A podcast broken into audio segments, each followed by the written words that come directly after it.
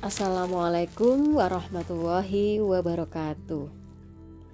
Kembali lagi di ruang dengar sahabat muslimah dalam podcast Cica Sukses dan masih bersama saya Cica Nabila. Sahabat muslimah, di episode kali ini saya akan menyampaikan sebuah pesan waspada waspadailah perilaku maksiat. Sahabat muslimah, sebagian saudara kita aktivis Islam mungkin pernah menyangka bahwa Allah Subhanahu wa taala akan mentoleransinya jika ia bermaksiat. Ia menyangka demikian karena ia merasa telah beriltizam dengan Islam dan bergabung dengan barisan aktivis Islam. Oleh karena itu, dalam pandangannya, maksiat itu perkara sepele, terutama jika ia sudah sedemikian lama beriltizam dengan Islam dan telah kehilangan semangat dan dalkiroh keagamaannya. Karena satu dan lain hal yang tidak bisa disebutkan di sini. Manakala ia menganggap sepele dosa-dosa kecil atau menganggap enteng perkara-perkara syubhat, Tiba-tiba maka ia mendapati hukuman Allah SWT demikian cepat mengenai dirinya. Ia pun kaget, tak habis pikir. Bisa jadi sekarang ia mengerjakan salah satu dosa. Lalu beberapa jam kemudian ia merasakan akibatnya. Ia bingung ketika itu. Ia berkata kepada dirinya, Dulu aku sering mengerjakan ratusan dosa seperti dosa ini, bahkan yang lebih besar lagi. Sebelum beriltizam dengan Islam, tetapi aku tidak mendapatkan hukumannya. Kini hukuman terasa cepat sekali, langsung dan berat.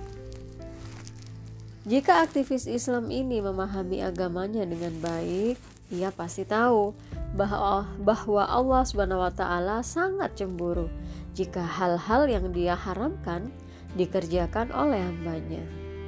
Dia lebih cemburu lagi jika hal-hal terlarang itu dikerjakan oleh para walinya yang notabene orang-orang dekatnya dan orang-orang yang layak menjauhi perilaku maksiat. Karena itu, Orang-orang yang mengemban di salah Islam harus lebih bertakwa kepada Allah SWT. Ia harus bisa menjauhi dosa-dosa kecil dan perkara-perkara syubhat, apalagi dosa-dosa besar. Sebab mereka biasa melarang orang lain untuk melakukan hal-hal haram. Lalu bagaimana mungkin mereka sendiri melakukannya? Di samping itu, ada fitnah yang terjadi di tengah-tengah masyarakat awam.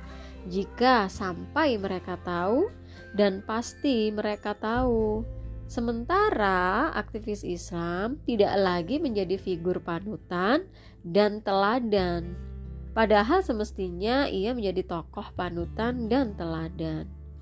Karena hal itu dan sebab-sebab lain, Allah SWT berfirman, dalam Quran surat Al-Baqarah ayat 209 yang artinya jika kalian menyimpang setelah datang kepada kalian bukti-bukti kebenaran maka ketahuilah bahwa Allah Maha Perkasa lagi Maha Bijaksana.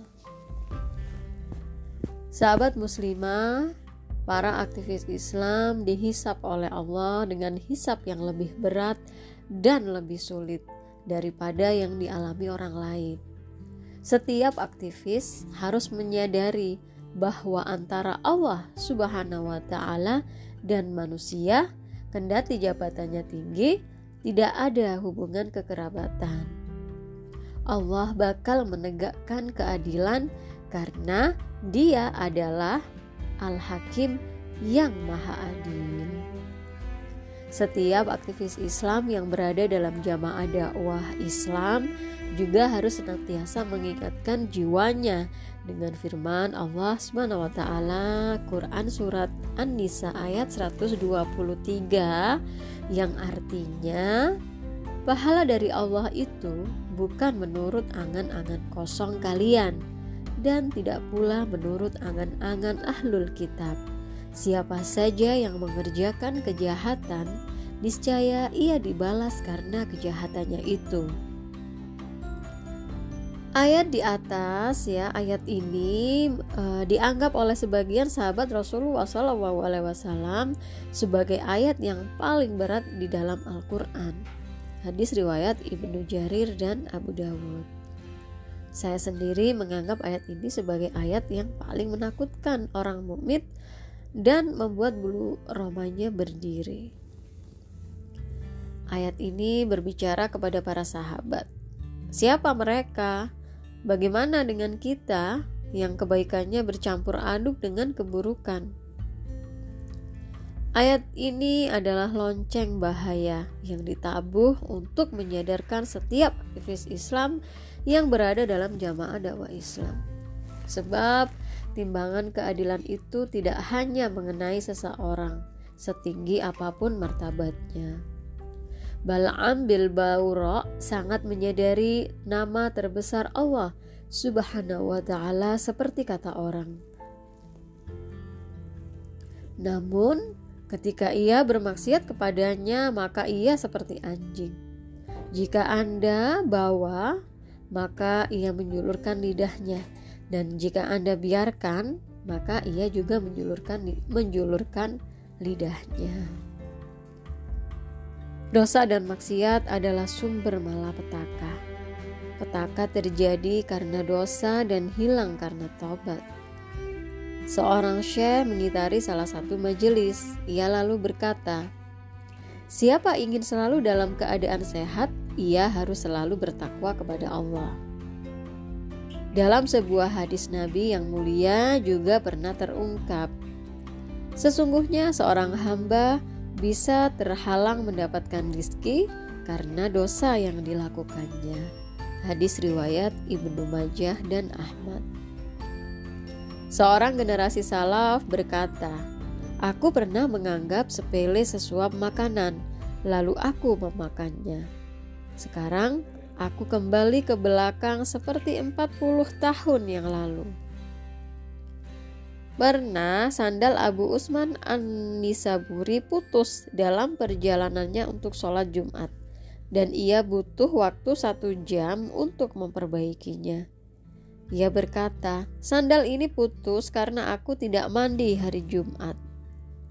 Ibnu Al-Jauzi berkata, di antara keajaiban hukuman di dunia ialah saat tangan-tangan zalim saudara Nabi Yusuf bereaksi dan Nabi Yusuf dibeli dengan harga murah.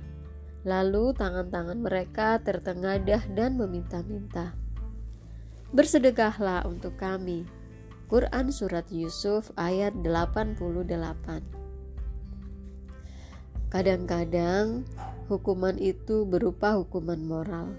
Misalnya, seseorang melihat sesuatu yang telah Allah haramkan Akibatnya Allah mengharamkan cahaya hati nuraninya pada dirinya.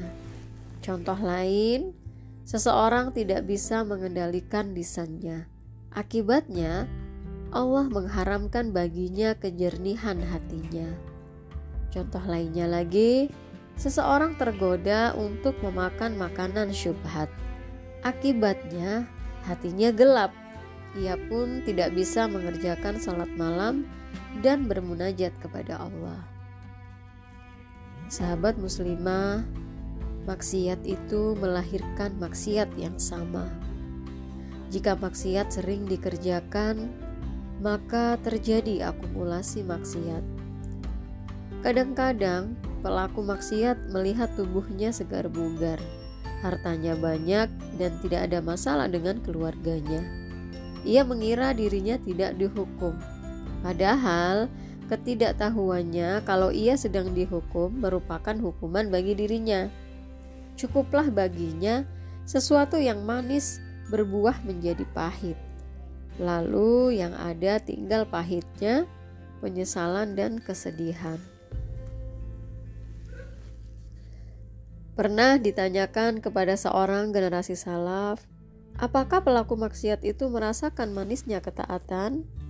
Orang salaf itu menjawab, "Tidak, orang yang bermaksiat juga tidak merasakannya." Ibnu Al-Jauzi rahimahullah berkata, Siapa saja yang merenungkan kehinaan saudara-saudara Nabi Yusuf ketika mereka berkata, "Bersedekahlah kepada kami," maka ia tahu betapa dosa itu menghinakan pelakunya, kendati mereka telah bertobat. Sebab orang yang pakaiannya tambalan tidak sama dengan orang yang pakaiannya utuh. Tulang yang pernah patah tidak dapat pulih seperti sedia kala Kalaupun pulih, tulang tersebut lemah. Karena itu, sahabat muslimah, hendaklah Anda, saya, kita mewaspadai dan menjauhi dosa yang sering disepelekan, sebab dosa bisa membakar satu negara. Hai orang yang berdosa berkali-kali, cobalah pikirkan apa yang membuat Anda berdosa. Sekian untuk episode kali ini. Kita akan melanjutkan di episode berikutnya. Billahi taufik wal hidayah. Wassalamualaikum warahmatullahi wabarakatuh.